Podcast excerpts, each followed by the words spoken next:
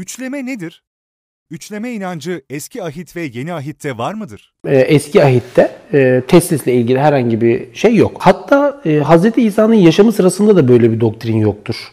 Testis doktrininin ortaya çıkışı İsa'dan sonradır bu kesin. Biz erken e, Hristiyan e, literatürüne baktığımızda e, bunun e, daha ziyade 2. yüzyılda Hristiyan dünyada baskın bir unsura dönüşmeye başladığını görüyoruz. Teslis nedir? Tanrılığın, tanrılık olgusunun baba, oğul ve kutsal ruh diye 3 ayrı e, hipostasisten, 3 ayrı unsurdan, uknum deniyor buna, oluştuğunu kabul eden bir anlayıştır. Yani Hristiyanlar bir tane Allah'a inandıklarını söylüyorlar. Fakat bu Allah'ın, bu tanrılık olgusunun üç ayrı yapı halinde, üç ayrı yapıdan müteşekkil olduğuna e, ifade etmeye çalışıyorlar burada. Biz İncil'lere baktığımızda e, Matta, Markus, Luka ve Yuhanna'ya e, bu İncil'lerin e, özellikle son kısımlarında, biliyorsunuz İncil'lerin e, son kısımları İsa'nın çarmıha gerilişi rivayetleriyle birlikte sona erer. E, daha sonrasında İsa'nın dirildiği, dirildikten sonra da öğrencilerine, e, göründüğüne dair bir takım rivayetler vardır. Bu öğrencilerin kimler oldukları, İsa'nın kimlere göründüğü falan e, farklı İncil'lerde farklı farklı şekilde hikaye edilir ama bu İncil'lerin son kısımları diyorlar ki e, İsa dirildikten sonraki süreçte öğrencilerini diğer uluslara gönderdi ve onları baba oğul kutsal ruh adına e, vaftiz edin dedi. Öğrencilere böyle bir görev vermiş yani İsa e, dirilişi sonrasında onlara tekrar göründüğünde. Şimdi burada arkadaşlar bilinmesi gereken iki tane nokta var. Bunlardan bir tanesi şudur.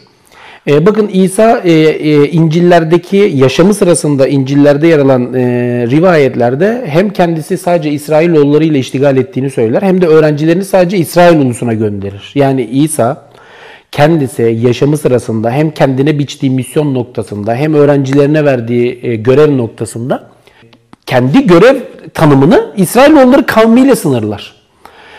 Peki dirilişi sonrasında İsa niçin e, öğrencilerini öteki uluslara göndermiştir? Çünkü yeni bir görev tanımlaması yapılır bu şekilde. Bu görev tanımlamasının amacı arkadaşlar Pavlus'a yer açmaktır. Pavlus bugünkü Hristiyanlığın gerçek kurucusu. Pavlus'a yeni bir görev, görev tanımlaması İncil'lerin son kısmında yapılmıştır. Şunu bilmek gerekir. İncil'ler Pavlus'un ölümünden sonra yazılmıştır.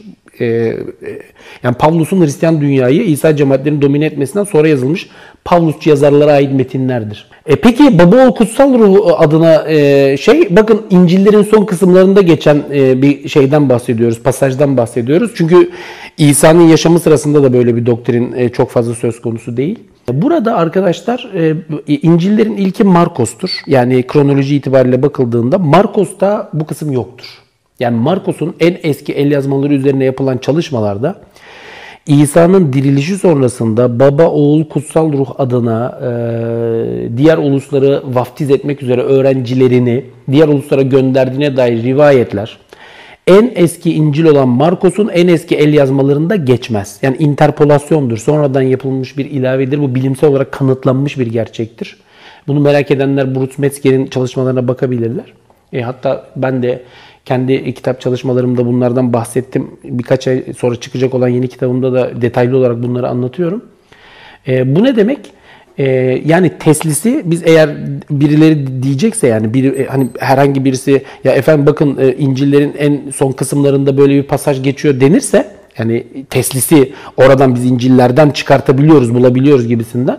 Hayır çünkü Markus İncil'inin son kısmı interpolasyon. Peki Markus'un e, önemine ilk İncil olması. Peki meselenin farklı bir boyutu ne? Meselenin farklı bir boyutu şudur. Matta ve Luka İncilleri kendi metinlerini Matta ve Luka adını taşıyan İncil'lerin yazarları kendi metinlerini Markos İncil'i metnine dayandırarak yazmışlardır. Yani Matta İncil'i Markos'un genişletilmiş bir ikinci basımı gibidir. Bakın sinoptik problem ve karşılaştırma kapsamında yapılan bilimsel araştırmalar bunu kesin olarak kanıtlamıştır. Bu konuda çok cılız da olsa başka iddialar da var ama İncil'lerin birbirlerine dayanılarak e, yazılmış metinler oldukları neredeyse kesindir.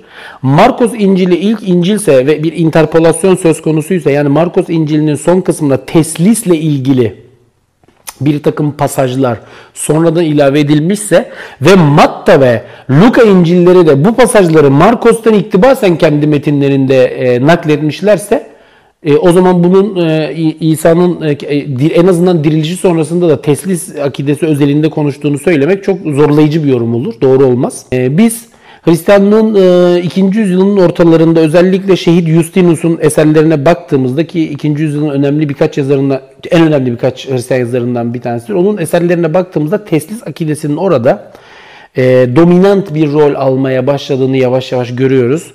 E, bir sonraki aşamada mesela Dion Psikopası İreneos'un e, çalışmalarına baktığımızda, kitabına baktığımızda orada aynı şekilde e, bir dominant şey olduğunu görüyoruz.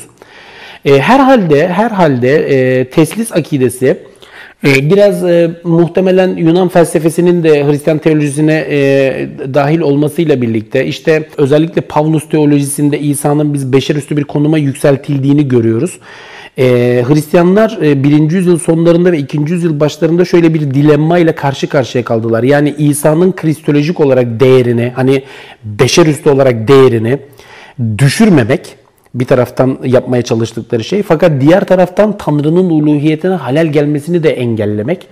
Babayla oğlu yani Hristiyan teolojisinde baba ve oğul kavramları Allah, Tanrı, Müslümanların anlayışındaki Tanrı ve e, İsa e, şeyine e, tekabül ediyor.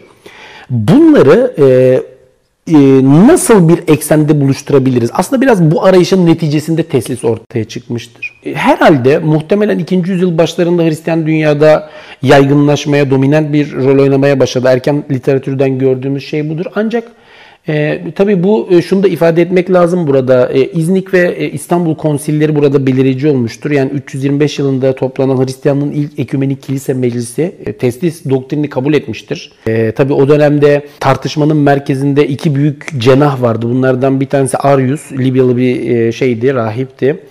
E, diğer kutbu e, Alexander ve Athanasius'tan e, oluşan e, İskenderiye İlahiyat Ekolü ve Kilisesi temsil ediyordu. Ee, İznik Konsili'nde İskenderiye Kilisesi'nin yani Athanasius Alexander'ın görüşü kabul edildi. Bu teslisçi bir anlayıştı. İsa'nın e, kristolojik değerini e, ilahi bir bağlamda değerlendiren, onların baba ile ortak bir e, öze sahip olduklarını e, şey yapan. Sonra ee, İznik Konsilinden sonraki süreçte özellikle kutsal ruh bağlamında tartışmalar devam etti. 381 yılında İmparator 1. Theodosius döneminde toplanan İstanbul Konsili bu konuda da bir hükme vardı. Yani biz 4. yüzyılda teslis doktrininin Hristiyan e, dünyada resmi olarak, resmi bir tanımlamayla e, Hristiyanlığın e, resmi amentüsüne e, dönüştüğünü görüyoruz. Peki bunu kabul etmeyenler var mıdır? Doludur. Yani erken Hristiyan literatürüne baktığımızda yine biz teslis akidesini kabul etmeyen e, birçok İsa cemaatinin varlığından haberdarız. E, mesela Nasraniler buna örnektir. Nasraniler e, işte İsa'nın Nasır olmasına atfen erken dönemde muhtemelen havarilerden bir sonraki nesilden itibaren İsa'nın orijinal çekirdek cemaati. İşte bunu bilim dünyası Yahudi Hristiyanlar diye tanımladı.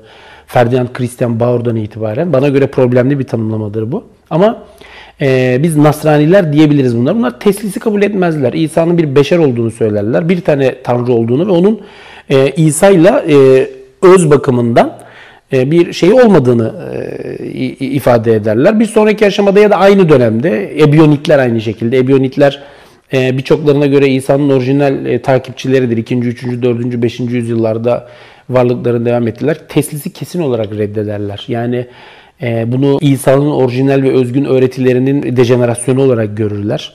İsa'nın salt sadece yalnızca bir beşer olduğunu söylerler. Yahudi bağlamında bir Mesih olduğunu, onun bir peygamber olduğunu e, şey yaparlar. Yani İsa'nın birazcık böyle Yahudilik boyutunu ön plana alan şeylerdir. Zaten Pavlus'u kesin olarak reddederler. Bu bahsettiğim Ebionitler olsun.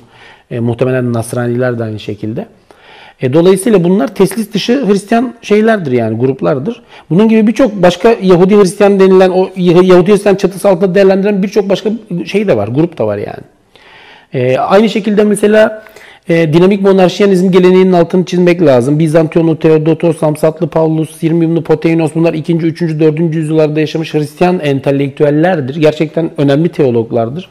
Bunların teolojik anlayışlarında teslis doktrininin yeri yoktur. Yani bunlar İsa'yı yine bir beşer olarak değerlendirirler ve Hristiyan dünyada bu sebeple zaten aforoz edilmişlerdir. Ee, aynı şekilde e, yine e, Hristiyan dünyada aforoz edilen fakat bizim e, hangi kristolojik geleneğe dahil edebileceğimizi tartışmakta olduğumuz bir takım şeyler var. Mesela Arius. Şimdi Arius e, Türkiye'deki ilahiyat çal- tartışmalarında ya da Hristiyan ilahiyatına dair tartışmalarda hep şey olarak gösterilen yani İsa'yı salt bir beşer olarak e, gördüğü rivayet edilen ya da işte bazıları şey diyorlar yani Hristiyanlık İznik konsiline kadar monoteist bir çizgide devam etti. E, Bunun en, bu geleneğin en son e, temsilcisi Arius'tu. Fakat Arius'un aforoz edilmesiyle birlikte İznik'te işte Teslis birdenbire zaferini ilan etti. Bu doğru bir bağlam değil. Doğru bir tarih okuması değil ama Arius'un biz kristolojik değerlendirmelerine baktığımızda ki bunu düşmanlarından öğreniyoruz. Çünkü Arius'un işte Talya diye bir eserinden bahsediliyor ama e, yok yani hep e, erken dönemde tarihe karışmış bunlar. Şu veya bu sebeple. E, e, biz Arius'un kristolojik anlamda yani İsa tasavvurunun ne olduğunu tam olarak tespit edemiyoruz ama anlaşıldığı kadarıyla İsa, e, Arius e, İsa ya da Mesih'i ya da oğlu e, beşer bağlamını ön planda tutarak değerlendiriyor. Yani e, baba ile oğul arasında bir öz ayrılığı kavramını özellikle vurguluyor. Yani burada e, Arius'u da benim kanaatim o ki muhtemelen teslis dışı geleneğin bir parçası olarak değerlendirmemiz mümkündür ki Arius'la ee, yani e, mesela Nikomedya Piskoposu Eusebius'un aynı görüşleri şey yaptığını biz 4. yüzyılın birinci yarısında biliyoruz. Bakın o da aynı şekilde önemli teologlardır. Bunlar da teslis dışı şeyler.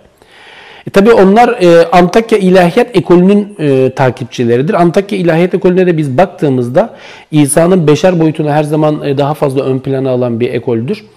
O ekolün içerisinde yani o ekol külliyen e, şunu söyleyemeyiz. Antakya İlahiyat Ekolü teslis dışında hayır böyle bir şey yok ama Antakya İlahiyat Ekolü'nün geçmişinde bazı o İlahiyat Ekolü'nün bazı önemli teologları e, teslisi kesin olarak e, reddetmişlerdir. Ama dediğim gibi 4. yüzyılda özellikle Roma İmparatorluğu'nun Hristiyanlık meselelerine dahil olmasıyla beraber kilisenin Roma İmparatorluğu'nun siyasi sistemine tamamıyla entegrasyon entegre olmasıyla beraber hele ki e, 4. yüzyılın sonlarında e, Hristiyanlığın Roma İmparatorluğu'nun resmi dini olmasıyla beraber Roma İmparatorları, Roma yönetimi Hristiyanlığın ilahiyat tartışmalarını şekillendirme teşebbüsünde bulundu. Teslis'te 4. yüzyılda e, bütün Hristiyanlık dünyasında e, resmi e, doktrine dönüştü. Teslisi kabul etmeyenlerin Hristiyan ünvanı taşıyamayacakları, kiliselerde ibadet edemeyecekleri, dini toplantılar yapamayacakları, e, yasal düzenlemelerle şey yapıldı, belirlendi.